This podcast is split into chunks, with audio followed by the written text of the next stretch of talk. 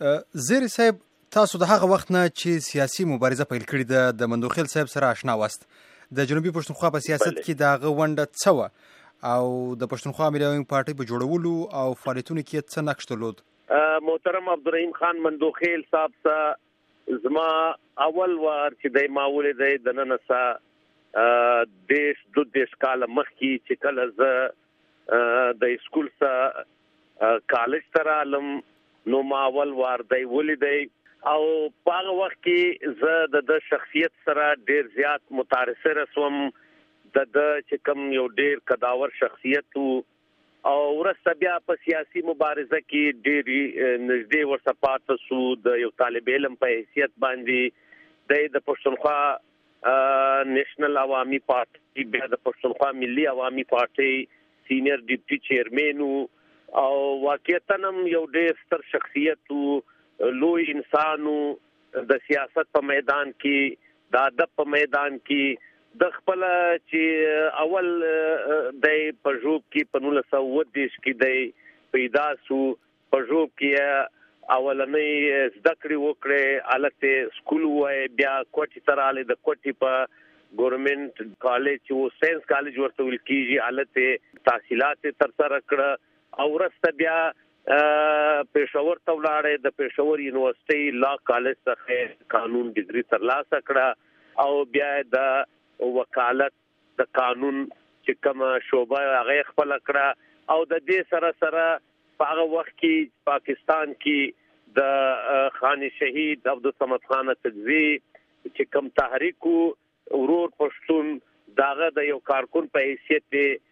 خپل سیاست شروع کړي ورسته بیا د کله چې ایوب خان په پا پاکستان کې ونی نوټر جوړ کړي وروسته بیا نولس سوه شپږ پنځوس کي نېشنل عوامي پارټۍ تشکیل وسو چي د محکومو قومونو د پښتنو، بلوڅو، سندیانو، د بنګالیانو یوه مشترکه ګوند و، د هغه یو فعال غړی پاته سو. دغه رنګه وروسته په نولس سوه اویا وروسته چي کله د ضیاءالحق مارشالله ولګېدله هم په هغه دور کي دی یو فعال کردار ادا کړ او د نولس سوه درې اتیا په اووم اکتوبر کې د ضیاءالحق د مارشال لا خلاف د ایم آر ډي تحریک بحالي جمهوریت او د پښتونخوا نېشنل عوامي پارټي په ګډه چې کومه مظاهره و په کوټه کې په هغه د پښتونخوا ملي عوامي پارټي چیرمن محترم محمود خان او د نور سیاسي مشرانو په مشرۍ کې و هم دی په هغه مظاهره کې وو چې په هغه مظاهره کې د هغه وخت فوجي حکمرانانو دځي وکړې په مظاهره باندې او په هغه کې زموږ څلور ملګری شهیدان سو ورسته د پارټي چیرمن محترم محمود خان سګزی هغه فرار توپ ته مجبور سو نو د پارټي د قائم مقام صدر په حیثیت باندې خپل دندې سرته ورسولې. کومه داسې خاطره ده داسې څه چې د مندوخیل صاحب د شخصیت او کردار نمایندګي وکړي هغه به څه وي؟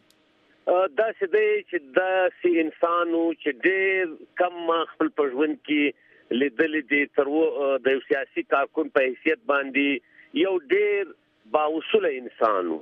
یو وخت هم په یو اصول سمجوته نه کوله هر وخت به د سیاست په میدان کې به دغه ویل چی د اصولو خلاف به یو کارم نه کیژی او په سیاسی توګه باندی چی کوم زموږ موقف وو د پښتونخوا ملی عوامی پارټی په هغه باندی دی سخت ولاړ وو او ملګرو ته به دغه وینا وه چی یوه خبره بم بی اصوله نه کیژی او ورسره د په ملګرتیا کی به د ملګرو ډېر زیات خیال ساتی، که کشر ملګری به وو هم دی به په هغه باندې به ډېر سخت پرېشانه وو چې هغه ته یو تکلیف نه ورسېږي، نو زما په خیال داسې کم سیاسي خلک دي چې د ده رنګه خویه لري او د ده رنګه علم درلود، د ده رنګه پوهه یې درلوده. او مندوخېل صاحب وفات د پښتونخوا ملي عوامي پارټۍ او ټولو پښتنو ته څومره لویه زیاته ستاسو په فکر؟ زما په خیال که د نن په دور کې په ټول لرو بر افغان پښتون ملت کې په دې وطن کې کلس د پای خلګو پاره کې یو عبدالرحیم خان مندوخیل صاحب ولی چې هغه یو ډیر لوی پوهان او د بیا خاص کر د تاریخ د فلسفې لوی استاد بلخصو د افغان پښتون ملت په تاریخ د هغه یو لوی عبور حاصل و. هغه د په دې حواله یو ډېر تاریخي کتابونه، شاهکار کتابونه لیکلي دي، انګریزي استعمار او افغانستان او ورسره په اوسنیو څو میاشتي کال کښي هغه د افغان اور افغانستان په نامه یو نوی کتاب چې د هغه د لیکچررونو یو سلسله وه هغه ته کتابي شکل ورکول سو دا رنګه د د یو مقاله تاریخي مقاله په مختلفو سیمینارونو کې په کابل کې په کوټه کې په پېښور کې په نورو دغه کې نو دغه سی په پارلماني اړخ باندې هغه دوه واره د پاکستان د سېنات ممبر پاتې شوی دی او ورسره د صوبایي اسمبلۍ زموږ د صوبې د اسمبلۍ غړی پاتې شوی دی اوس د قومي اسمبلۍ غړی وو هغه قانون په شوبه کې یو اعلی پارلیماني شوبه کې یو اعلی خدمات وو بل خصوص چې کله په پا پاکستان په 2010 کې اتلسم ترمیم چې د پاکستان په آئین کې بنیادی یو بدلون راتلی نو پاره کې د ډېر لوی کردارو او کم از کم داغه پارلیماني کمېټۍ چې اتلسم ترمیم یې جوړوی د هغه کم و بیش نوي میټینګان سوي وو په هغه کې دی په ټولو میټینګانو کې حاضر پاته سوی وو دقیق نظر یې درلود او زما په خیال دا ډیر لوی تاوان دی د ټول لرو بر افغان ملت د پښتون وطن د پاره د لرو بر افغان د پاره په پا پاکستان کې د محکوم قومو د پاره یو ډیر لوی زیان دی او زما په خیال دا زیان به تر ډیره وخته پوری پوره نسی د درنګ شخصیت شاید بیا پیدا شي مندوخیل صاحب خو یو عمر سیاسي مبارزه کړې ده داغه د مبارزې مقاصد هم معلوم دي کوم ارمان یې و چې پوره نسو تاسو فکر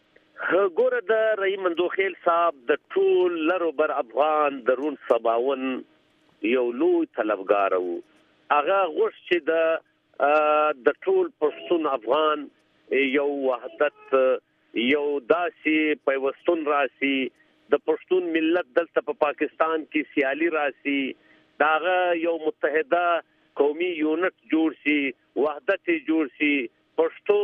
د تعلیم د تدریس ژبه وګرځول شي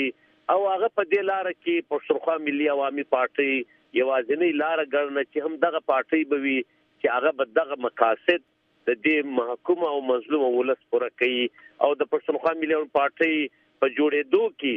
دا یو ډېر لوی لاس وو هغه شپه ورځ د تنظیم چاري د تنظیم معاملات په خپل قتل خپل به غونډو ته تلې خپل به سیاسي جلسو ته تلې خپل به سیاسي تدي سرکل به ورکوي په هونه به ملګرو ته ورکوله نظریاتي په هونه به ورکوله او مسلسل به پریشان وو هر وخت به ویل چې دا قوم چې دی یو متحده یو قومي لشکر غواړي او پښتونخوا ملي عوامي پارټي کې دا صلاحیت دی چې هغه د دې قوم صحیح نمائندګي وکړي ډیره مننه چې زموږ سره خبرې وکړې ډیره مننه ډیره مننه